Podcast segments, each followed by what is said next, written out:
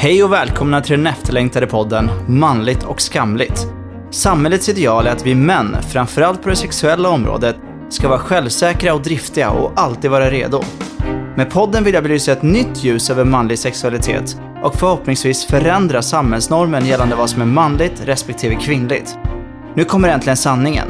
Hur tänker vi män egentligen gällande kärlek, sex och relationer? Jag tillsammans med gäster kommer att svara på era frågor samt analysera det manliga beteendet utifrån konkreta exempel i vardagen. Nu kör vi! Tja! Tja! Fan, det, var, det var, kändes som att det var länge sedan vi sågs. Ja, men det var inte så länge sedan. Det var tre veckor sedan kanske. Ja, eller hur? Sånt där, Ja, Ja, jag har saknat det i alla fall. ja jag har det är Du har ju haft mycket för dig de här veckorna. Ja, absolut. Vi åkte till Barcelona. Norr om Barcelona också. Jag åkte runt lite. Ja. Gått upp i vikt. Kolla här alltså den här kaggen som jag lyckades skaffa på tio dagar. ja men det syns inte. Det syns inte. Nej, tycker jag inte. Tror du är snäll bara. Ja. Nej, jag tyckte du var väldigt fräsch. Men du är brun och du är liksom Ja, men det är jag. Ja, jag fick lite sol. Ah, är det därför du eh, skickade till mig på Facebook och frågade om Brad Pitts kropp i Fight Club? Exakt! Det var där innan förfallet. Innan jag började liksom. Men den där kroppen är ju faktiskt eh, det ultimata. Ja, vi, vi hade, du, ni hade en diskussion du och din eh, Jag och Stina hade det. fru numera. Ja, fru. Just det. Precis. Ja. Eh, nej, hon tycker inte att det var ultimata kroppen. Jag tror att alla killar tycker att Brad Pitt i Fight Club Ja. är den ultimata kroppen. Alltså man fick välja en kropp så ska man ta den. Eh, men jag tror inte att tjejer tycker att den är lika het. Nej, men jag tänker, alltså jag, min, när du, du skickade ju till mig och frågade och Mm. jag kände först spontant så bara, är det det eller är det den? Så tänkte jag så här. Först så här, i- idag så känner jag inte riktigt att så här, då, alltså det är klart jag vill ha den kroppen. Jag säger inte att jag inte skulle tacka nej till den. Men jag menar bara så här, man har ju kommit längre i sin process att kroppen är inte så viktig. Men det som är, varför jag sa ja sen i slutändan är ju för att han är både muskulös och smidig. Precis. Så det är någon form av så här, liksom hälsoaspekt i det. Man tror att, eller jag kopplar det till en så här, ja men häls, hälsomänniska liksom. Ja, men det känns som att den där kroppen skulle kunna gå sibiriska vintern i typ eh, tre månader utan att eh, ta skada eller du vet. Alltså, den, den är så jävla tålig är den. Okej, ja. Men kroppen är väl viktig, är inte det? Viktig? Ja, du sa att kroppen inte är viktig. Jo, alltså nej men jag tänker, jo jo kroppen är viktig, men jag tänker så här, eller jag i alla fall känner att jag, alltså förr så brydde, jag har alltid haft så här bebismage, Ja. som jag kallar det. Alltså lite hull så här. jag har aldrig haft tvättbräda och hela den grejen. Dadpad. Ja, exakt. Deadbud, precis. Så att, så först tyckte jag att det var jobbigt. Och jag kände så ah, men jag måste träna, jag måste träna, jag måste liksom få den här magrutorna som, som är så attraktivt. Men idag är det mer så här, jag vet att jag har mycket mer att ge intellektuellt. Ja. Så kroppen är sekundärt. Och sen har jag umgåtts väldigt mycket med tjejer, både i relationer och tjejkompisar. Och vet då att kroppen är inte jätteviktig för dem. Nej. Precis som eh, Stina då tolkade in i det där, men nej det där är ju inte idealet. Liksom. Nej. Men, men jag tänker att den är inte kanske så viktig för dem, men den borde vara viktig för dig. Ja, jag tänker bara att jag vill vara hälsosam. Ja, så jag, jag vill inte gå upp mycket i vikt. Nej. Alltså så att jag blir överviktig. Nej. Då känner jag att då har jag ju liksom failat. Då, Ja. Det vill jag inte. För då vet jag att det kommer komplikationer med det. Och liksom, det, jag vill alltid vara hälsosam. Mm. Men jag vill inte vara så besatt av att ha liksom, magrutor och Nej, nej. muskler. Så. Nej. Utan mer att jag känner att jag orkar springa till bussen utan att jag blir jätteandfådd. Mm. Alltså du vet de här, eh, och ha sex utan att typ eh, hålla på att dö. Utan att dö. Fast efter orgasm så dör man ändå. Ja, exakt. Ja, men det, det är efter. Men, men alltså det jag tänker är att man vill ändå ha... Eller jag tänkte också så ett tag. Men nu vill jag vara så otroligt vältränad. Alltså jag vill öka mitt eh, välmående hela tiden. Alltså det, men, allt går ut på att öka välmåendet. Och ju längre jag orkar springa, desto bättre mår jag. Alltså Ja. springa 8 km en dag på löpbandet så mår jag så mycket bättre Precis. efteråt. Och ju starkare det blir, ju smidigare blir jag. mår hela tiden bättre. Och nu för tiden så älskar jag min kropp så mycket. Liksom. Jag tar på mig själv och. Alltså bara liksom känner, jag blir så tacksam med min kropp. Ja, men det är nice. Och jag, jag gillar det aspekten. Och det är klart att det är bra att underhålla och, alltså, sin kropp eh, så att den är så hälsosam som den kan vara. Men jag har valt att lägga fokus på det andra istället. Åh jävlar. Ja. Men jag tror att, men, men, Ja, jag just på skulle komma till också det Ja. att det, är inte, alltså det psykologiska, det intellektuella Ja, hör ihop sen med kroppen också. såklart. Det gör det så mycket mer Såklart. än vad jag trodde innan. Ja, jo, men alltså, jag håller med dig. För att jag var så här, jag hade inte tränat på eh, kanske ett halvår. Då känner man sig så här plumsig får ont i ryggen. eh, du vet, man känner sig så gammal. Ja. Men sen så har jag tränat nu regelbundet i en och en halv, två månader. Och jag känner mig så mycket bättre. Alltså det är ju det är klart att det är en effekt av det. Dels så sitter kläder mycket bättre och då känner man sig snyggare när man går på stan och man känner sig attraktivare när man är i interaktion med andra människor och så vidare. Eh, men jag tror att, jag vet att du inte är så för jag vet att du också stimulerar ditt intellektuella också. Men många fastnar vid kroppen och de fysiska attributen. Eh, och glömmer bort att stimulera det intellektuella. Och i slutändan då kvittar det ju. För att det intellektuella kommer ju alltid vara det som segrar i längden. Du kan ju vara mullig, och alltså, eller typ nästan också överviktig och fortfarande vara attraktiv. Om du har ett attraktivt intellektuellt. Men om du inte har något intellektuellt och bara har tvättbräda. Då kommer du kunna vara icke-attraktiv. Hjärnan vinner över tvättbrädan. Jag tror det. Ja. Jo, men det stämmer nog. Ja, men det här känns ju som att vi har ett avsnitt längre fram om eh, kanske skönhetsideal och eh, prata om eh, de fysiska attributen och sånt. Mm, Attraktion absolut. tror jag. Det kan bli ett bra avsnitt. Attraktion, ja. Mm. Så vi sparar, vi har liksom nuddat lite på det och så tar vi det sen eh, i det avsnittet då, om attraktion. För jag har fått en fråga faktiskt från en tjej på Facebook. Eh, om just vad som attraherar oss män. Det ska vi inte svara på nu, för det är ett annat avsnitt. Nej, Så jag höll precis på... Bam! Ja, jag såg det på dig. Man, mansplainaren där. Exakt. Åh nej. Stina, Stina hatar mig häromdagen. Hon, eh, jag skulle spela tennis. Ja. Så stod hon och hon tog racket och svingade lite. Hon har ju gått på tennis liksom. Så. Ja. Jag bara, här låt mig visa dig en backhand. Och hon bara, du! Jag har gått på tennis liksom. Och sen visade hon mig sin backhand faktiskt. Och hon bara, jag bara, aha okej, ja, men det är så man gör alltså. Så så där man träffar. Men hon kör också den på mig. Vi, Ja. vi skulle åka och ta sådana här, alltså när man passerar sådana biltull i Barcelona. Mm. Så tar man en lapp som kommer ut. Och så måste man trycka på en knapp. Så man vevar ner rutan. ja, precis. Och innan jag kör fram, hon bara eh, Kör så nära du kan! Gå, jag kör så nära du kan. Jag bara, vadå kör så nära du kan? Det är klart jag kör så nära jag kan för att jag kör åt andra hållet. Vad är det för självklar grej att säga? Ja, kul. Men ni verkar ha en sån jargong i alla fall. Och, men det är bra. Hon kan ju, det är, jag, jag gillar Stina. Hon verkar vara jävligt skarp faktiskt. Ja, Eh, hon är superhärlig. Ja, så det är asnice. Eh, ja, vi ska, inte, vi ska inte prata, idag ska vi prata om eh, åldersskillnad.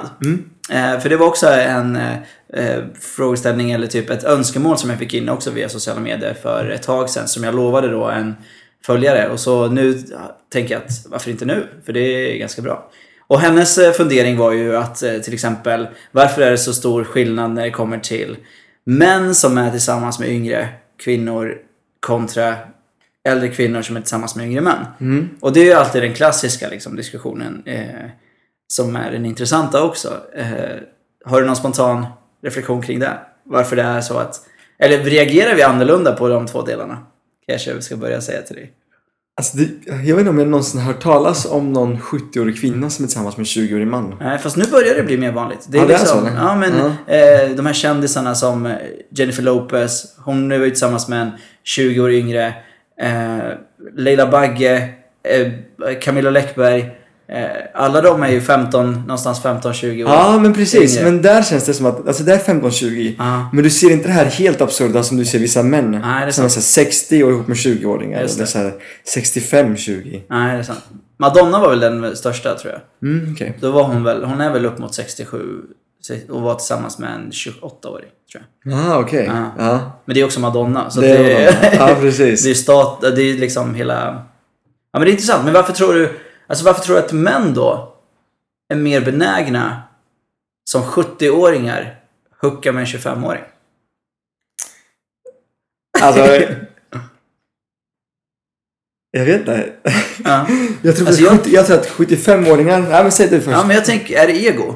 Alltså du vet den här, wow, jag har en, en trofé vid min arm. Ja, men det är det garanterat. Liksom. Men det, det, jag tycker det är intressant i den relationen också för att då får ju även i den relationen så får ju kvinnan skit. För att hon är en golddigger som söker pengar. Ja. Så att det, är ju- inte ens, alltså du vet, även i den som egentligen är helt sjuk för att han är ju 75 så han borde ju fatta bättre att inte vara ihop med en 25-åring. Då är det ändå hon som får skiten för att hon då är ute efter hans pengar eller hans, eh, någonting tror man ju om det liksom. ja, men det är som Anna Nicole Smith där. Ja. Som hon, hon var ihop med, vad Exakt. heter han, den här miljardären. Ja, precis. Men han var ju...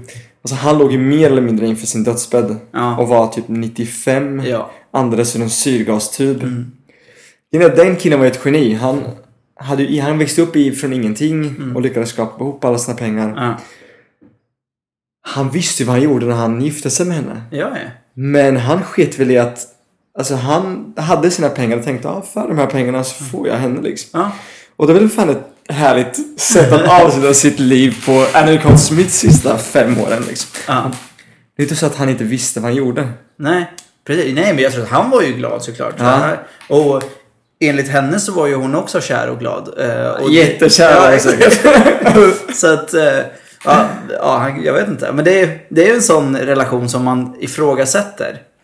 Men egentligen kanske man inte har någon rätt att ifrågasätta det. Alltså vadå, är hon lycklig? Är han lycklig? Kör! Ja. Alltså, Varför måste vi liksom säga att men den här ingår inte i ramen av lycka eller vad fan, de, de har den relationen ja, de har. precis. Absolut. Ja, men sen är det ju också media, hon var ju känd och han Hon var var ju skitkänd. Ja, precis. Och sen efteråt, hon, alltså det var ju såna jävla um, domstolsgrejer med hennes, med arvet och först fick hon pengarna, sen fick hon inte pengarna, sen var det en tredje domstol tror jag och, och hon mådde helt dåligt till slut också. Mm, också. av det. Men eh, hur stor åldersskillnad är det mellan dig och Stina då? Stina är fem år äldre än mig, så jag är 35 och hon är 40. Okej. Mm. Och det är slump, ren slump att vi träffades egentligen. Jag, vi träffades ju på Tinder. Ja. Och jag gillar äldre kvinnor. Ja. Och det är så här att jag, jag valde från start att börja från 40 Okej. till 55. 55 är ju maxet liksom. Ja. Så jag hade faktiskt min Tinder på 40, 40 till 55. Okej. Jag hade inte direkt sett någon plan att träffa någon sådär liksom. Eller, det var ju mycket sex. Ja. Och jag var väl öppen för det liksom. Ja. Men så, så hamnade den på 39. Ja. Och jag bara, "Ah, men fine det spelar ingen roll, 39. och så hon, hon kom med där liksom. Precis. Nej. Egentligen var hon för, för ung för att komma med i min scroll där. Men...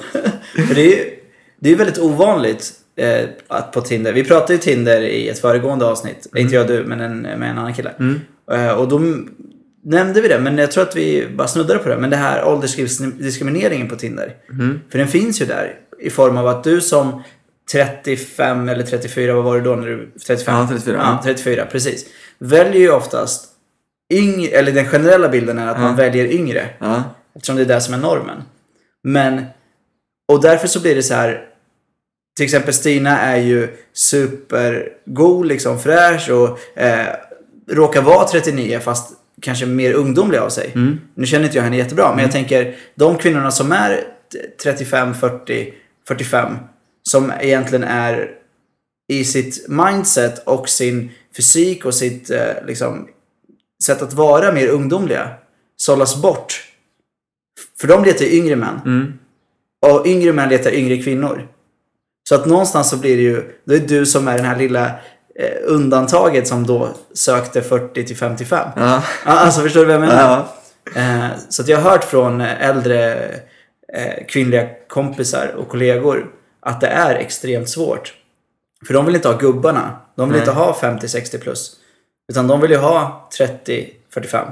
Men de, vill, de killarna vill inte ha dem. Ja, det är jobbigt. I urvalet alltså. Ja. Eller hur? Så det blir en diskriminering i det här på något sätt. Det är ytligt, men hela skiten är ytlig. Ja, men då är det ju, för vi pratar ju åldersskillnad. Och det är ju ganska tydligt där. För då är det ju, någonstans så sätter ju kanske parnormen eller ja, relationsnormen eh, landet för varför vi söker yngre.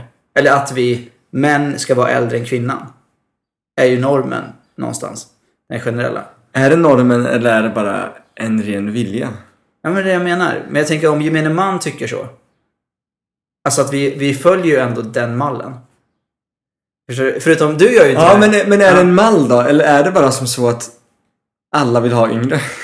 Ja, Alltså bara rent Ja, biologiskt eller liksom att det inte är någon, någon mall eller norm eller liksom Folk vill bara ha yngre. Alltså du, du tänder ju på vissa eh, grupper av människor Mm.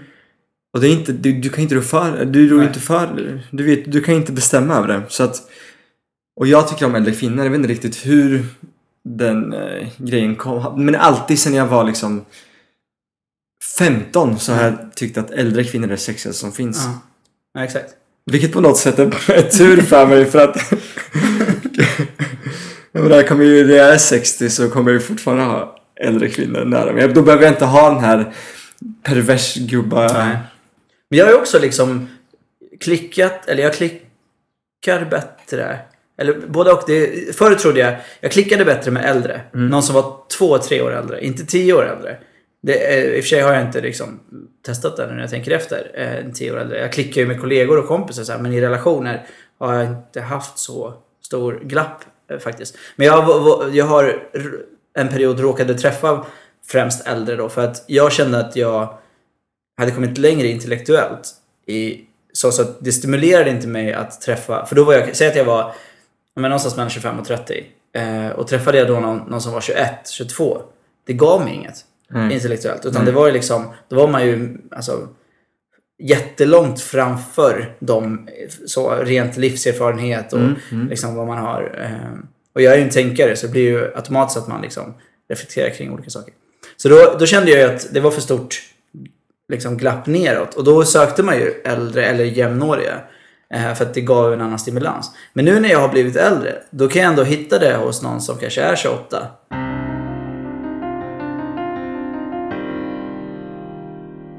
Sen man var liten så har man fått höra den här. Eh, män utvecklas senare än kvinnor. Vi är ju tre år efter hela tiden. Ja, minst. Minst ja. Ja, exakt.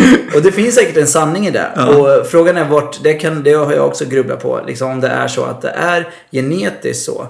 Eller om det är så att vi stöps ju in i mallar sen födseln.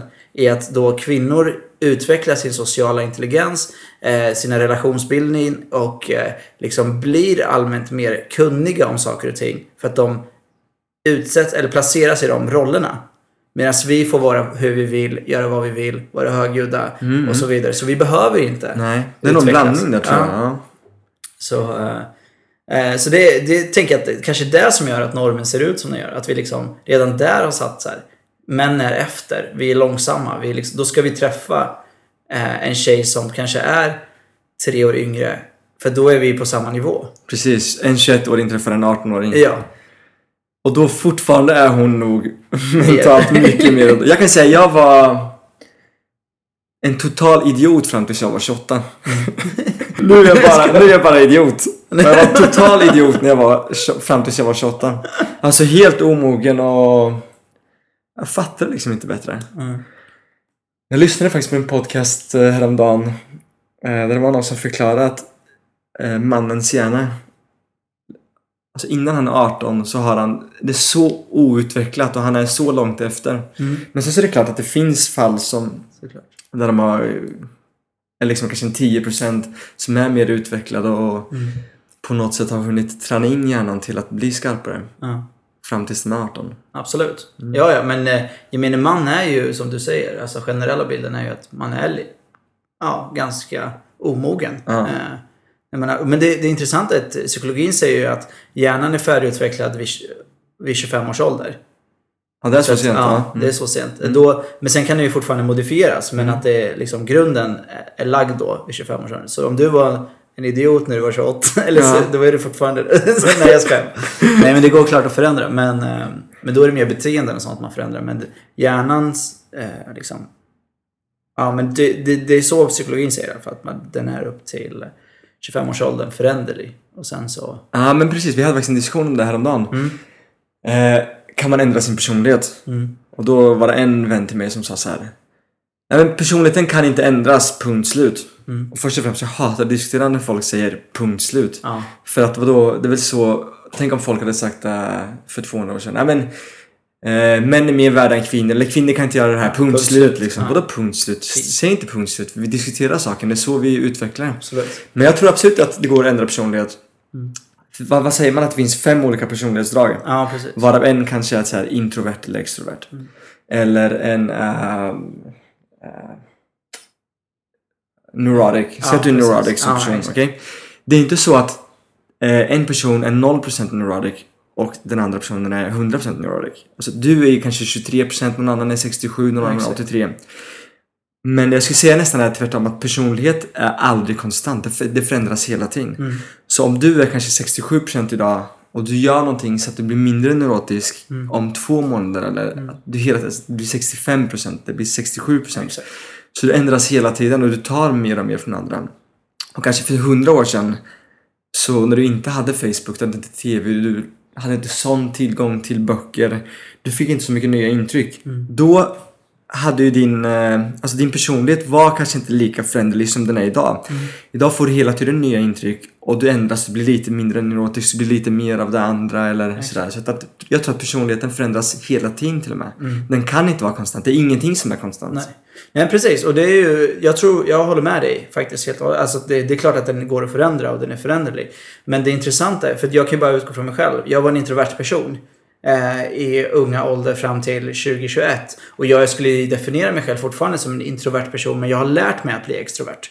Jag har liksom utmanat den introverta personen för att få, få fram den mer extroverta personen i mig. Så att i sociala sammanhang i, eh, överlag så skulle de flesta beskriva mig som extrovert. Men jag vet att om man då läser vad en introvert person är, alltså personlighetsdragen hos en introvert person, att man är analytisk tänkare, eh, har gärna tid för sig själv, man är liksom så här, och då är jag en introvert person. Men det är också någonting som jag stöptes i för att jag råkade vara blyg. Och, inte- alltså, så det, är liksom, det hänger ihop och det är det. Alla erfarenheter i livet gör ju att man växer och då blir de här personlighetstyperna föränderliga utifrån vad man utmanar sig med. Och därav så tror jag att personer som säger så här personligheter kan inte förändras, punkt slut, är ju personer som inte vågar gå utanför trygghetsbubblan. För att göra förändringen, då har man bestämt sig att det här är jag. Jag har varit i relationer, jag har varit med kompisar lite så bara, det här är jag. Take it or leave it. Ja fast nej. Nej, Eller så exakt. kan du liksom förändra ditt sätt att förhålla dig. Och de personerna upplevde mig som falsk för att jag anpassade mig efter personen jag pratade med. Du bara, men du, så- här, du är sådär med honom och du är sådär med henne. Och du är sådär, ja jag bara, det kallas social kompetens. Men i deras ögon så blir det falskt. Varför? För de kör bara sitt race. Och då är det så här, 50% älskar dem, 50% hatar dem. Det, är liksom, det finns inte någon gråskala i det. och sen är så får man ju liksom bestämma själv vad som är tryggast. Men det är klart det går att förändra ens personlighet. Man måste bara vilja och det, det är ju svårt. Exakt, man måste vilja det. Ja. Ja. Eh, och liksom det är också så frågan, kan man ändra sin vilja? Mm, Eh, vilket jag också tror att man kan, fast det tar lång tid. absolut. Det är ju så hela relationer är uppbyggda på. Alltså det, det är det som är den egentligen främsta saken som man bör tänka på i relationer. Är att släppa sitt, sitt, sitt eget sätt att vara och sin egen prestation i det. Eller eh, prestige snarare. Eh, och ego. Och bara lyssna in på vad din partner behöver av dig i den stunden. Och därefter ändra ditt sätt att vara, din vilja, din... Men det betyder inte att du ska släppa din personlighet och släppa allt som du tror på. För att du har ju rätt att uttrycka vad du tycker och tänker. Men lyssna in vad din partner tycker och tänker också. Och tänk så här, kan jag, är det här en stor grej eller kan jag göra en förändring? I, I det här diskussionen som vi har, det här tjafset som vi har. Då kommer det gå mycket lättare för att den personen behöver dig av en anledning. Alltså behöver dess, till exempel ge komplimanger. Det är så här klassiskt. Vissa människor vill ha verbala kom- komplimanger. Du är snygg, du är vacker, du är sexy. Jag älskar din kropp, jag bla bla bla. För det ger dem en bekräftelse. Medan andra människor vill ha en handlingsmässig komplimang. Fixa frukost på morgonen, kramar, pussar, fysisk närhet, eh, överraskningar med liksom, eh, presenter, teater, bio. Då är det mer handlingsmässiga. Köpa favoritgodiset. Eh, det är de här små sakerna som liksom är mer handlingsmässiga. Och då får de den bekräftelsen. Och inte så egentligen... Det är klart att alla älskar att få en komplimang verbalt också. Men det, det betyder inte lika mycket. Så en person som har en verbal komplimang, eh, som vill ha verbala komplimanger och en person som vill ha handlingsmässiga komplimanger. När de två är ett par, då blir det en utmaning. Och därför så måste man då, om man är en handlingsmässig person, inte bara tänka så här. Den andra personen, eh, eftersom jag är vissa saker med handling, så borde den andra förstå att jag tycker om den. Utan då måste man ge de verbala komplimangerna till den personen, för att den personen behöver det. Så släppa sin eget sätt att tänka på saker. Men det är svårt. Absolut. Jag gillar ju, jag älskar det här uttrycket eh, Be like water. Ja. Och alltså, man måste ju hela tiden ändras Ja. och, och vara ny på något sätt. Mm. Vara, men det krävs ju en awareness, att vara attentiv. Absolut. Jag har läst mycket Jiddu Krishnamurti nu när vi var i Barcelona. Mm. Han pratade, han pratade ju hela tiden om att du är inte... Alltså så fort du är konstant så går du efter någonting, en mall. Och du tittar ju bakåt. Alltså, Jag har svårt att sätta det i ord nu. Mm. Men i alla fall, be like water älskar jag. Ja men exakt. Och det, då handlar det också om att inte ha, alltså nästan inte ha en, perso en personlighet. Nej. Du, du är hela tiden eh, anpassningsbar till situationen. Mm. Exakt. Och det är jätte, jätteviktigt. Lyhördheten är det viktigaste. Men, ska vi gå tillbaka till åldersskillnad? absolut, absolut. Men, men det är jätteintressant diskussion. Jag, tycker, jag älskar sådana här diskussioner för det är så berikat. Jag tycker att sånt där, det, det händer ju någonting liksom när man börjar tänka på de här sakerna, även i relationer. Men eh, jag tänkte om åldersskillnadsmässigt, vi pratar ju om det här med att män är senare i utvecklingen, kan vara en anledning. Jag tänker, hur känner du? För du sa att du attraheras av äldre damer. Ja. Hur tänker du rent på det rent biologiska? Det här med familj och liknande. För jag tror också att en aspekt är att män kan ju rent biologiskt få barn mycket senare. Och kvinnor någonstans har ju upp till, det sägs, ålder 40. Men det är ju också flexibelt. Vissa får ju senare och andra. Så att den aspekten borde ju också finnas där i åldersskillnadsutval, eller urvalet. Hur Ja. tänker du kring det? Och har du tänkt biologiskt eller hur tänker du? Alltså, jag tror att det här sexuella som vi pratar om, man vet Mm. inte riktigt varför man eh, tänder på någon. Mm. Eller en viss grupp människor sådär. Men det sitter ju kanske i att man träffade någon eh, äldre kvinna när man var yngre. Jag vet att vi hade en granne Ja, som, jag vet att min, när min morfar kom och besökte oss just det. Så både jag och min morfar bara satt och tittade på henne liksom, när hon höll på med sitt trädgårdsarbete Ah. i bikinin och sådär. Okej. Och hon kanske var 40, hon hade, jag lekte med hennes son liksom. Ja. Skit i det. Där kan ju påverkat mig fram tills idag att jag, att det liksom, det är där jag går igång på den äldre damen. Okej. Men så där är det också att jag tänder på det sexuellt men även eh, så äldre kvinnor har ju lite mer klokhet och vishet i så det är lite enklare att ha diskussioner med dem. Men tror du att porren är... eh, För jag har ju pratat porr också i ett tidigare avsnitt. Tror du att Mm. eh, porr är en, också en trigger för att stimulera de här fantasierna? För det där är, det du beskrev nu är ju liksom... Eh, kan anses vara väldigt objektifierande. En eh, äldre dam i bikini, och så här, då tänker man milf och då tänker man, du vet, hela den grejen. Ja. Eh, och så här, tabubelagda att ja, du var vän med hennes eh, son så om du hade hookat henne. Alltså fantasierna Ja, ju därefter. exakt, ja. Eh, och det kommer ju mycket från porren för att det är ju så. De lägger upp liksom så här. Äldre damer söker kompisar till deras söner och du vet hela den här. Ja. Det är ju... tror inte att det är jättevanligt att det händer men... eh, Nej tyvärr händer det inte. Tyvärr. alltså, Nej men det, det är klart, porr absolut. Porr har jättestor eh, inverkan här. ja. Men, eh, men det är, jag tror att det är också det biologiska det här med att man kan föda barn vid en viss ålder och inte... Alltså kvinnor har kortare tid på sig. Eh, och därför så blir det så att äldre män kan söka in, yng, eller söker yngre kvinnor automatiskt för att om man vill ha familj och det. Så, Ja men jag tror det finns en tanke där Ja. också. så jag kan ju bara utgå från mig själv. Alltså jag, jag tycker det är hemskt att jag tänker så för att ålder borde bara vara en siffra. Men det är klart att man har den aspekten i tanken. För jag vill ju bli pappa. Jag vill, bli, jag vill ha familj. Jag vill ha liksom familj med en person som jag vill leva med och så vidare. Så att då blir det ju så att då vet jag att en relation byggs ju under ett par år. Eh, och det blir kortare startsträcka ju äldre man blir. För att man, ja. Men någonstans 3-4 år säger vi. Och då är det så här, okej, men om jag träffar någon som är 37, då är hon 40-41.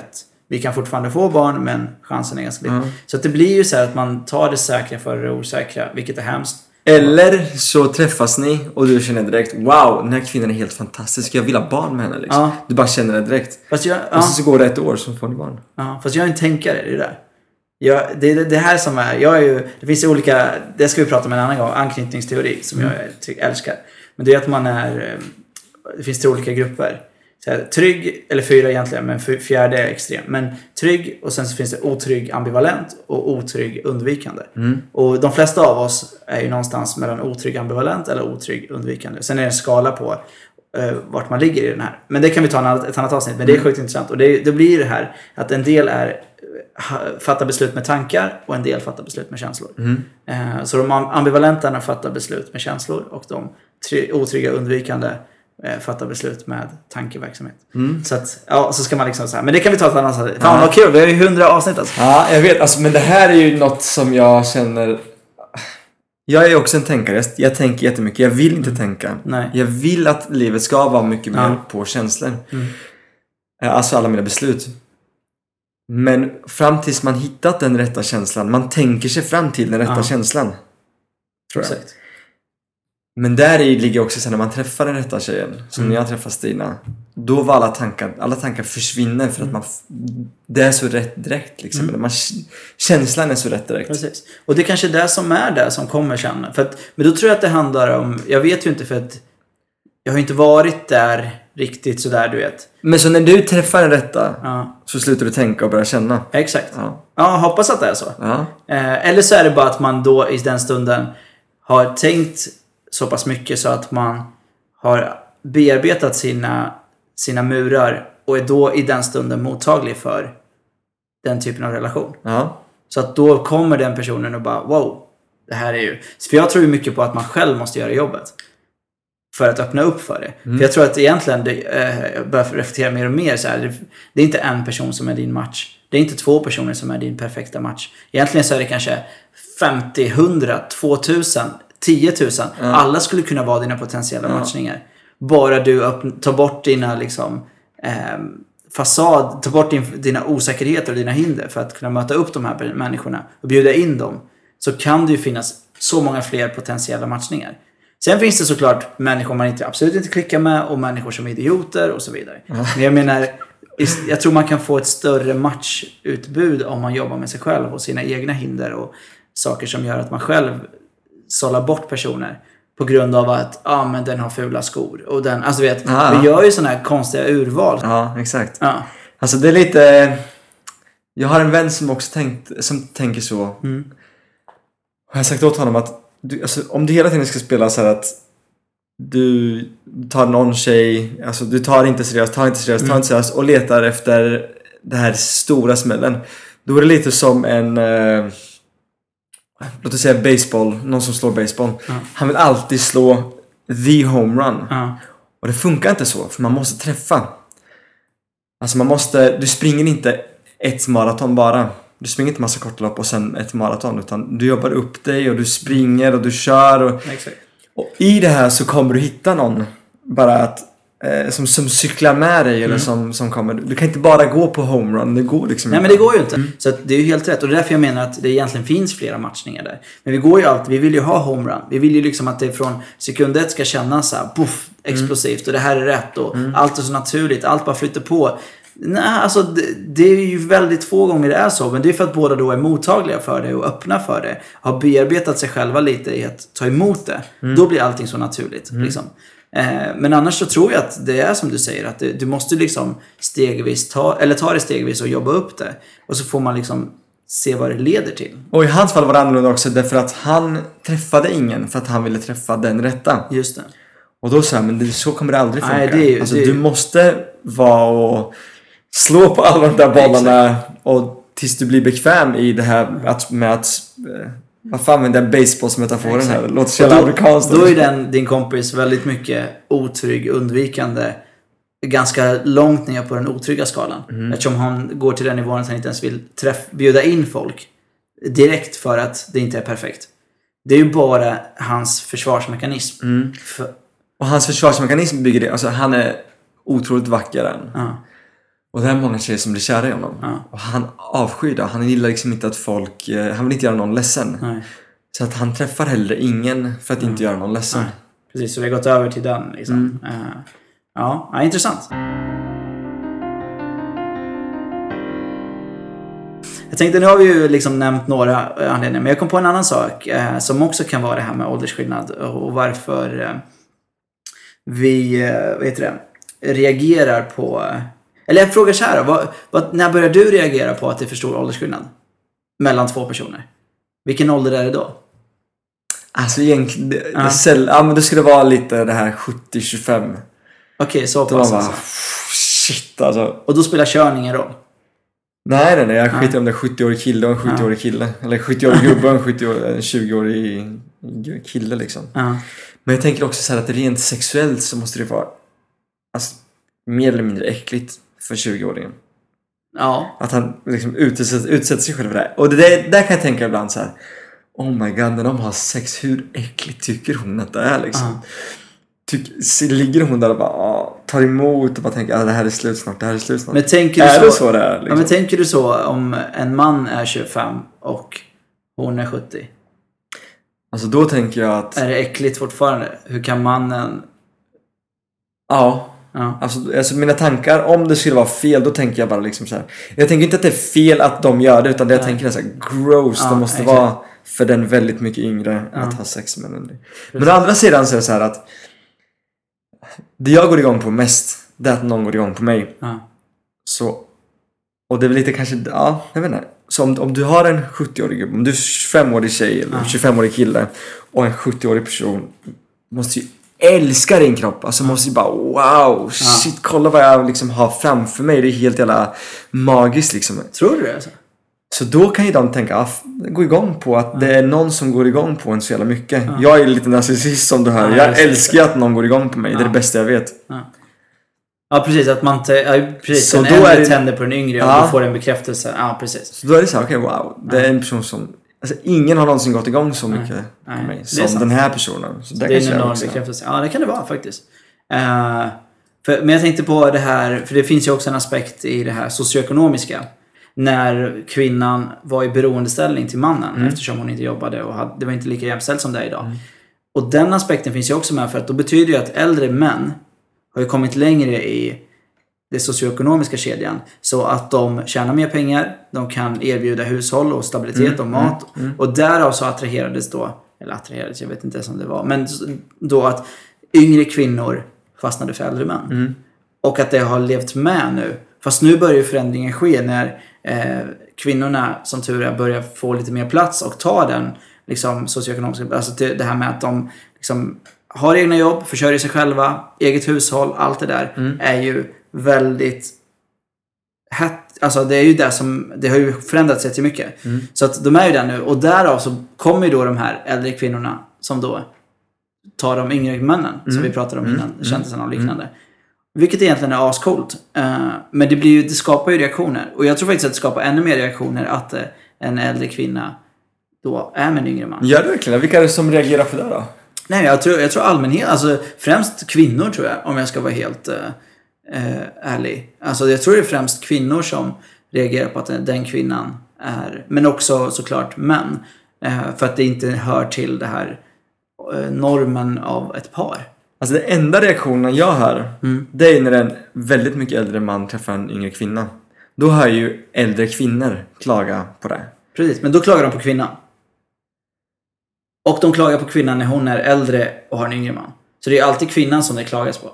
Så Ah, hur kan okej. hon... Ja, men alltså det, det enda, jag vet, faktiskt inte. Det enda jag har hört klagomål, ja, det är äldre kvinnor som säger så här. Gud vad äckligt. ja. När det är en äldre man och en yngre kvinna. ja, men det är sant. Och sen vet jag inte hört vad, alltså vilken part de klagar på. Men jag har Nej. bara hört, gud så jävla äckligt liksom. Och gubbsjuka har jag hört också. Ja, men Jävla det- gubbsjuka ja, äckel liksom. Men det, här, det är ju vanligt, precis. Eh, men, det, men nu har jag tycker jag det är intressant eftersom det här som vi pratade om är en 70-årig, han, eh, typ Anna Nicole Smith-grejen. Mm. Nu är det lite så här med eh, Camilla Läckberg och Simon Sköld som är då som är, jag tror, 15-20 år yngre, 15 kanske 20. Han är 15 år 20 än henne. Yngre än henne, ja, Han är yngre ja, okej. Men nu, alla vet ju att hon är ju en så, har så mycket pengar. Mm. Så då blev ju det här, han är med henne för att hon har pengar. Så nu blev det ju han då som är toyboyen Ja, i det hela. ja. Och, så det, det blev ju ändå, utifrån ett jämställt perspektiv, så det är ganska intressant att okej, men det, då sker ju faktiskt de tankarna också. ja. Men det är ju, hur, hur kul är det att vara den, den Den toyboyen. Ja. Ja men vad fan han kanske tycker det är skitnice. Han ja, bara, han bryr sig kanske inte. han bara fan hon, hon vill ha mig för min kropp eller vad fan Ja. Tror Alltså, han känner men- sig mindre manlig? Han borde väl känna sig mer manlig. Ja, än jo, liksom. vet. Han bara, fan tänker- kolla min, jag är så jävla härlig så att hon vill ha mig. Eller jag har ingen aning. Nej. Jag tror inte det borde vara någon konstighet. Nej. Nej, nej, nej. Eh, Men jag har också typ så här. Det är ju också stor skillnad så här när man är yngre. När, när vi var liksom. Det här tycker jag är så intressant. När man var 18. Mm. Då bara. Aldrig kan vara tillsammans med en 17-åring. 16-åring. Jag vet, det är helt Ja, sjukt. Eller? Ja. Så blir man 20 så bara. Inget under 20. Och sen så 25 bara. Va? Är du tillsammans med en 21? Dejtar du en 21-åring? Då är du tre år. Det blir liksom mer och mer hela tiden. Ja, ja, absolut. Och sen så här 30, då funkar allt ner till 23. Och sen så här 40, då kan du ha liksom ner till 27. Och då bara så här 12 helt plötsligt. Alltså du vet, det är så roligt att det liksom... Det förskjuts. Ju äldre vi Absolut. blir desto längre blir glappet mellan... eh, Och det är ju, jag vet inte om det har, alltså när man är yngre då är det så här, men det händer ju också ganska mycket mellan kanske 18, 17 och 25. Precis som jag sa där, jag, mellan, fram tills jag var 28 var jag idiot. Ja, Så att, ja men exakt. Så att, Jag ska inte säga varför, varför jag alltid var en idiot. Jag är fortfarande en idiot. Jag var en total idiot där. Men jag minns att jag, eh, när jag gick, jag var 16, jag, jag, gick första ring och det var en tjej i min klass som eh, träffade, nej jag gick i tredje ring ja. och det var en tjej i klassen som träffade en kille som var 21 så hon var 18 och han var 21 Mm. och jag bara varför är jag tönt liksom, kommer till skolan och hämtar henne, fan vad kan han inte få liksom sin, en tjej i sin egen ålder? Eller jag tyckte att det var konstigt att, hon träff, att han träffade henne eller att de träffades. Och sen när jag själv var 28 så träffade jag en tjej som var 18. Okej. Och då var det liksom en gigantisk skillnad. Ja. 10 år skillnad liksom. 28 och 18. Men inte Vilket för övrigt var en mycket intressant relation vi hade. Ja. Pratade inte ens med varandra. Nej, exakt. Ja, men det, det, eller, ja, exakt säger jag. Men jag kunde nästan, för det är svårt att kommunicera. Alltså vad har man, 28 år, alltså det, är, det har ju hänt väldigt mycket liksom.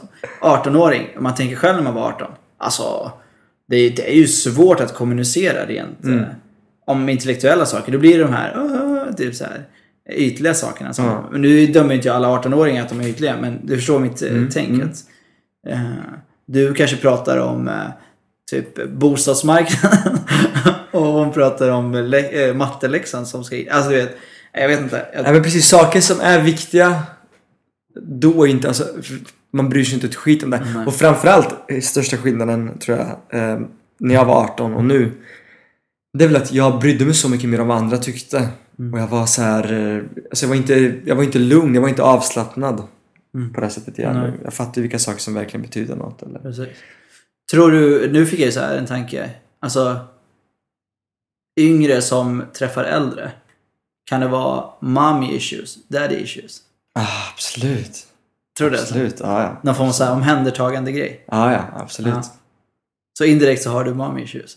Ska jag bara Ja, outa dig? möjligt alltså. Möjligt. Nej jag skojar bara, jag outar dig. Men, eh, men det är ju lite, eller jag tror att många kanske tänker den tanken. Eh, eller så är det bara jag som är konstig. Men eh, jag vet, det var ingen poäng med det, det var bara att jag tänkte så här att det måste ju få vara någon form av koppling till, speciellt när det är så pass äldre, alltså när det är, när vi pratar 15-20. Eh, eller så är det bara att man är jävligt attraherad och fascinerad över att den andra personen liksom liv och det intellektuella som den har. Och man ser upp till den personen för att den är grym helt enkelt. Eh, så att det behöver inte vara svårare än så. Men jag tänker att, jag tänker så här, jag har också tänkt på, jag, det var någon jag snackade med. Eh, då var ju, han var 37 tror jag, Mm. när de träffades. Och hon var 22. Så jag var 15 år. Ja. Då var det, då var det fine. Alltså, han hade jättemycket energi, du vet, de hittade på äventyr, han hade pengar, så det var även, liksom reste mycket och lag, äh, käkade god mat och så vidare. Och så vidare. Fick de barn, gick bra första åren. Så här. Sen när han kom upp i 50, då är hon 35, ja.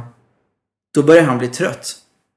Och Alltså- kroppen hänger lite. Ja, ja, men det är så här, Men han börjar bli så här, han har orken inte densamma, fysiken, äventyrslustan har ju tappats lite grann. Då bara vaknar ju hon till så här. Det är inte så intressant. Men så är det ju. Alltså världen är ju föränderlig. Hon är ju bara vara- 35. Ja. Ja. Det var kul så länge det var liksom. Eller vadå? ja, i och för sig. Så kan man ju tänka. Ja, Jag men, menar, världen förändras ju hela tiden. ja. Och du kan ju inte...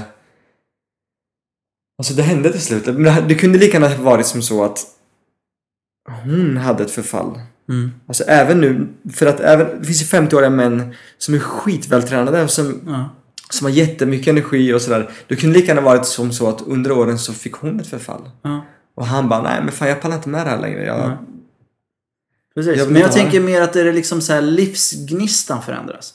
Inte det mer så här fysiska, utan mer så här, alltså, fast det är också en inställning. Allt Det är också en inställning, men jag träffat, jag träffar 60-åriga människor som har Ja. sån jävla livsenergi, Ja. som är så jävla härliga och Ja. Men typ så här barnen till exempel, de blev tre, eller fem, sex säger vi. Mm. Fem, och hon bara, ah vi går bla bla, vi leker. Och så han bara, jag orkar inte. Ja. Alltså du vet så här, för att han orkar ju inte springa. Liksom.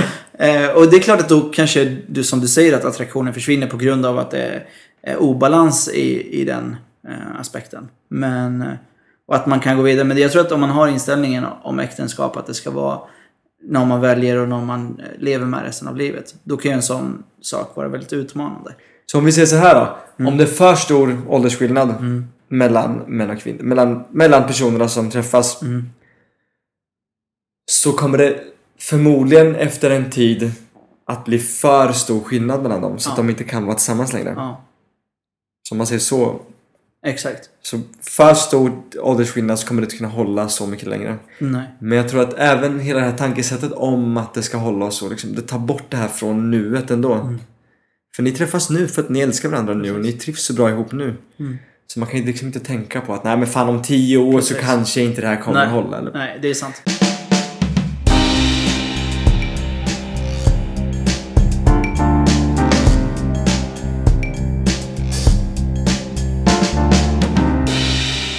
Slutorden nu är att eh, det är klart att det finns någon form av eh, typ relationsnorm i att mannen ska vara äldre än kvinnan max eh, någonstans 5-10 år. Sen börjar det bli lite överdrivet. Eh, även åt andra hållet då också. Att det finns någon, någon form av så här ålders eh, aspekt i det hela när vi pratar om relationer. Men i slutändan som du sa precis nyss så handlar det ju inte om ålder. Utan känns det bra, känns det rätt för dig, go with it. Så får du väl se vart det landar någonstans. Men det är klart det finns komplikationer på vägen i form av att antingen om det är barnfrågan eller om det är eh, beroendeställning. Jag kan tänka att det är väldigt vanligt om den ena har mer mandat genom att vara äldre på- i form av pengar och liknande och försörjer den andra så blir det en obalans i makt till exempel.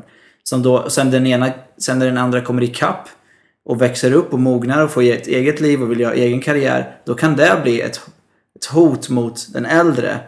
För att det är ju inte det, han vill ju ta hand om, eller hon eh, vill ju ta hand om den yngre. Och du vet, det blir så här. Så det är utmaningar på vägen eh, som man, om man är tänkare kan välja att tänka på. Eller om man vill bara känna det och bara känna Be like water! Ja, be like water. Ja. Bra slutord faktiskt. Ja, är det slut?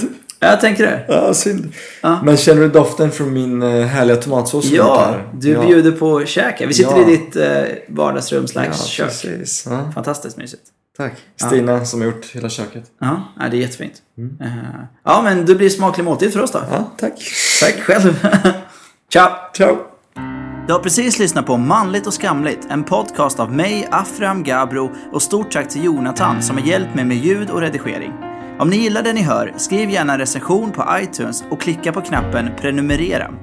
Följ mig på sociala medier, ät manligt och skamligt, där ni får ta del av mina tankar och reflektioner kring machokultur, könsnorm, mina framtida projekt och mycket annat. Har ni frågor, önskar samarbeta, annonsera eller sponsra podden går ni in på www.aframgabro.com och skriver ett mejl under fliken kontakt. Tack för att du tog dig tid att lyssna. Kärlek!